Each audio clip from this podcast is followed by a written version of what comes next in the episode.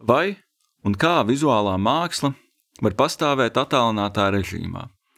Lasa autors Toms Babincevs. Visa vizuālā māksla ir pārtapusi par fotografiju, vai arī par video. Izsakoties plašāk, vizuālā māksla ir kļuvusi par mākslas dokumentāciju. Tas nozīmē, ka māksla notiek vai ir izstādīta kaut kur citur, un to var pēcāk vai tiešraidē uzlūkot ekrānā. Māksla ir nonākusi attālinātā režīmā, nonākusi tiešsaistē, tapusi digitalizēta. Tā raksturojama situācija, kad muzeji un galerijas ir slēgtas, vai arī nevar droši paredzēt, kad un vai tās būs atvērtas. Tie ir apstākļi, kuros vienīgā iespējamā māksla ir tā, kas ir pie skatītāja, vai drīzāk skatītāja telefonā. Māksla spaidu kārtā pašlaik ir absolūtā pietuvinātībā skatītājam. Tomēr dažu mākslas formu absolūtā pietuvinātība nebūtu nav neitrāla norise. Tā ir kas tūs vardarbības aktam, cik tālu māksla ir specifiskās attiecībās ar klātbūtnīgumu. Tā izzušana kompromitē šo mākslu pastāvēšanas nosacījumus. Runa ir par priekšmetiskām, materiālām, vizuālās mākslas praksēm, kā glezniecību, tēlniecību, keramiku un citām, kuru sakarā var tematizēt Valtera Benjamina pieteikto oriģināla un reprodukcijas nošķīrumu. Līdz ar to jautājums par, piemēram, mūziku te netiek artikulēts, Kaut saistībā ar oriģinālu un reprodukcijas nošķīrumu arī tas ir problematizējams. Atvēsinot apakaliptiskajās noskaņās ieturēto uvertīru, derīgi uz brīdi pakavēties pie Benjamina nošķīruma. Tas palīdzēs atsekt klātbūtnīguma izzušanas brutalitāti. Tas, ko varam uzlūkot telefonā, ir reprodukcija, jeb kopija, mākslas dokumentācija vizuālā formā. Oriģinālu no kopijas atšķir tas, ka tam piemīt aura. Proti, oriģināls, piemēram, glezna, ir unikāls, vienreizējs priekšmets pasaulē. Tas ir individuāli vēsturisks objekts, kuras saudabību veido ķīmiskās pārvērtības laika gaitā, kā izbālēšana, saplaisāšana un īpašuma attiecību maiņas. Objekta īpašnieki ir mainījušies, tas atradies dažādās vietās tā pastāvēšanas gaitā, kā raksta Benjamins, aurātiskā oriģināla te un tagad veidotā īstuma nojēgumu. Pat ja var darināt materiāli līdzīgus priekšmetus, tie šā vai tā no oriģināla atšķirsies ar to, ka nav iespējams darināt priekšmetus ar vienādu vēsturi.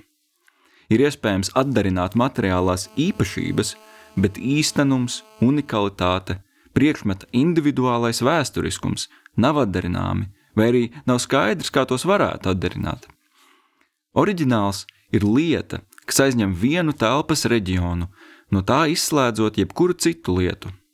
Filozofs un mākslas teorētiķis Boris Grojs skaidro, ka auras nojēgums funkcionē kā oriģināla un kopijas nošķīruma kritērijs, jo reproducēšanas tehnoloģijas visus citus materiālos kritērijus padara nelietojumus. Varbūt ne gluži nelietojums, neeksistē perfektas reprodukcijas. Tomēr Benjaminam izlīdz pārspīlējums, lai dezinficētu domas eksperimentu, asajai izteiksmei, darot to jo spilgtāku. Ar auru apveltītiem oriģinālam ir sava noteikta vieta, un ar šīs noteiktās vietas palīdzību oriģināls ir ierakstīts vēsturē, kā šis unikālais objekts. Kopija turpretim ir bez vietas, nevēsturiska. No paša sākuma tā parādās kā potenciāla daudzveidība. Oriģināls ir viens. Reprodukciju skaits ir neierobežots. It sevišķi nonākot tiešsaistē, kur vizuāla reprodukcija neizbēgami pārtopa par fotografiju vai video, ko var teju nebeidzami kopēt, pārsūtīt, pavairot, ņemot vērā tikai dažus autortiesību ierobežojumus. Reprodukcijai ir sociāla funkcija. Tā sniedz iespēju panākt pretim uztvērējam. katedrāle nonāk kāda mākslas cienītāja studijā, un tēlniecības vēsture ir iepazīstama dzīvojamajā istabā.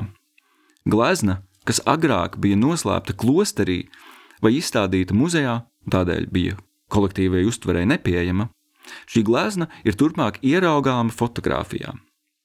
Grāmatu par mākslinieku var nopirkt miljoni.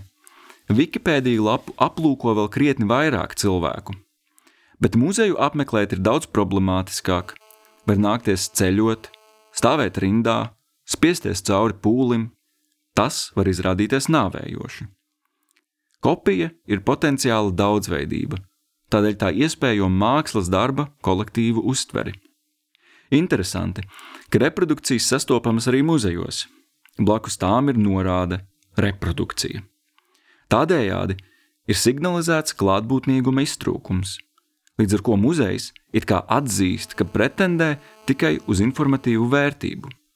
Acu priekšā ir objekts, kas līdzinās oriģinālam, tas ir ieraugāms, iegaumējams, bet tas nav tas. Te paveras tikai reprodukcijas pieredze. Tomēr ir vietā jautājums, vai tad šī pieredze kā atšķiras no oriģināla pieredzes? Atbildi iespējams iesākt ar analoģiju. Var izjust un atmiņā izgaršot ābolu, skatoties uz fotografijā iemūžinātu kluso dabu. Bet tā nekad nebūs ābola pilntiesīga pieredzēšana. Iekožoties fotografijā, ābolu droši vien nevar izgaršot. Protams, šķiet apšaubāmi, ka oriģinālu uzlūkošana būtu domājama analoģiski ābola izgaršošanai. Un var taču teikt, ka reprodukcija un oriģināls sniedz vienlīdzīgu informatīvu, emocionālu, estētisku vērtību. Nav varbūt nekāda specifiska izgaršošana, ko iespējo tikai oriģināls.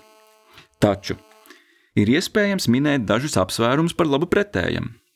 Fotogrāfija tomēr nav neitrāls, dokumentējošs rīks, kas realitāti atklātu tādu, kāda tā ir. Tas nemaz nav iespējams. Pie fotoaparāta vienmēr ir cilvēks, kurš darbojas atbilstoši saviem priekšspriedumiem, kā un ko vislabāk fotografēt. Mākslas darba sakarā it sevišķi svarīgi norādīt uz fotografijas medija nespēju precīzi atveidot mākslas darba materiālās īpašības. Filozofe Barbara Savedofa sniedz iespēju mīkstināt Benjamina perfektās reprodukcijas hiperbolas, uzstājot, ka nevar vienādot mākslu un tās fotogrāfiskās reprodukcijas, un aura nav vienīgais kritērijs, kas to liektu darīt. Savedofa uzskaita apjomīgu klāstu ar materiālām īpašībām, ko fotografijā nevar atveidot, vai kas reprodukcijā tiek izmainītas. Piemēram, reprodukcija nevar notvert oriģināla krāsu. Fotogrāfijā zelts parādas fiksēts vienā tonī, kaut oriģinālā tā atspīdums atkarīgs no leņķa, kādā to uzlūko. Fotogrāfija aizmiglo līdzīgu vai šķietami vienādu toņu nianses. Monohromais tikai fotogrāfijā visā pilnībā top vienkrāsains. Kaut klātienē monochromajā glezniecībā sastopamas nelielas toņu variācijas. Foto tās padara vienveidīgas, grūtāk saskatāmas. Foto arī nevar ietvert gleznojuma reliefu. Krāsas atšķirīgos biezumus gleznas dažādajos laukumos, kas tēliem piešķir papildus dziļuma ilūziju. Reprodukcijas virsma ir atšķirīga no oriģināla virsmas. Reprodukcija ir plakana, Savedofa norāda uz visai interesantu aspektu. Gleznu reprodukcijās bieži neuzrāda rāmjus. Rāmji nereti ir iekļauti darba kopsakarā. Tiem var būt tematiska un kompozicionāla nozīme. Rāmja elementi un krāsas var būt atbalsotas gleznā, vai arī rāmis var radīt gleznas telpas, papildus noslēgtības ilūziju, vai pabeigt kāda objekta aprises. Ja rāmis ir iekļauts foto, gleznas un rāmja materiālās atšķirības nesaglabājas. Rāmis tomēr ir atšķirīgs materiāls, kas citādi būtu nojaušams atšķirīgajā gaismas spēlē, kas vērojama klātienē. Reprodukcija nesaglabā oriģināla izmēru. Potenciāli gigantisks lielums tiek samazināts, lai iekļautos nelielā lapā vai viedtālruņa ekrānā. Var runāt par leņķi, kādu attiecībā pret mākslas darbu ieņem reprodukcijas vērotājs. Lai uzlūkotu reprodukciju, skatāmies uz leju lapā, nevis uz sienu vai griestiem. Uz lapas vai telefonā reprodukcija ir pavisam nelielā izmērā, taču gleznas novietojums galerijā vai muzejā mēdz būt dominējošs. Cilvēkam jāveras augšup uz lielu, brīžiem pat masīvu veidojumu, kamēr mākslas darbs uz skatītāju lūkojas no augšas. Oriģināls var lapā vispār nebūt atveidojams. Piemēram, dažu mākslas darbu būtiska kvalitāte ir tas, cik labi tie sabalsojas ar telpas arhitektūru. Tā tas ir fresku un altāru gadījumos. Zūdot darbam apkārt esošajai arhitektūrai, tiek atstātas nopietnas sekas uz iespējām darbu saprast. Izolēti no telpas vai sienas koptēla, ar kuru tie iedarbojas, mākslas darbi var likties tukši vai nepilnīgi. Savidofa min arī citus zaudētos aspektus, taču, lai pārāk nenovirzītos no domas, derīgāk samierināties ar neizsmeļošu uzskaitījumu un pievērsties tam, ko reprodukcija pievieno. Piemēram, skulptūrai fotogrāfs var pievienot radošu kadrējumu, izcelt kādu īpašu leņķi, liekot ieraudzīt kopainu, kas citādā vērojumā varētu būt paskrējusi garām. To pašu paveic palielinājumos, pietuvinājumos, kā arī melnbaltā reprodukcijā var no jauna atrast koherenci, kas darba košajā krāsu pārpilnībā paliek nepamanīta. Margināli tēli var tikt izcelti uzmanības centrā, un novietojot mākslas darbu potenciāli miljonus jaunās vidēs, var tiem piešķirt jaunu nozīmi. Mākslas darba uzlūkošana guļamistabā nav vienādojama ar darba ieraudzīšanu kā daļu no plašas, skatam vienlaikus neaptveramas katedrāles. Atšķirīgās vides konstituē atšķirīgas lasījumu iespējas. Taču var iet soli tālāk un apgalvot, ka uzskaitītie punkti ir iemesls, kādēļ, nonākot attālinātā režīmā, glezniecība un tēlniecība iet bojā. Zūd to pastāvēšanas nosacījumi. Skatītājam turpmāk ir dots gleznas foto, nevis pati glezna. Nonākot tikai attālinātā režīmā, māksla ir vardarbīgi sagrozīta vai pārtop par ko tīri informatīvu, taču tā nav pārāk kvalitatīvi informatīva. Tā ir falsificētā māksla. Glezniecība kā glezniecība vai tēlniecība kā tēlniecība vairs nav. Ir foto vai video procesā sagrozīts vizuāls tēls.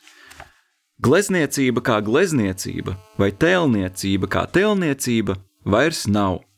Ir foto vai video procesā sagrozīts vizuāls tēls, kas šo to atņem, šo to pievieno. Līdz ar to tas tiecas kļūt patstāvīgs, aizmiglojot klātbūtnīgo oriģinālu. Tas ir nepārvarams nošķīrums starp mākslu un mākslas dokumentāciju, kas dota vizuālas, telpai nepiesaistītas reprodukcijas formā. Glezna ir iesprostota reprodukcijā, no kā tā vairs nevar izlausties.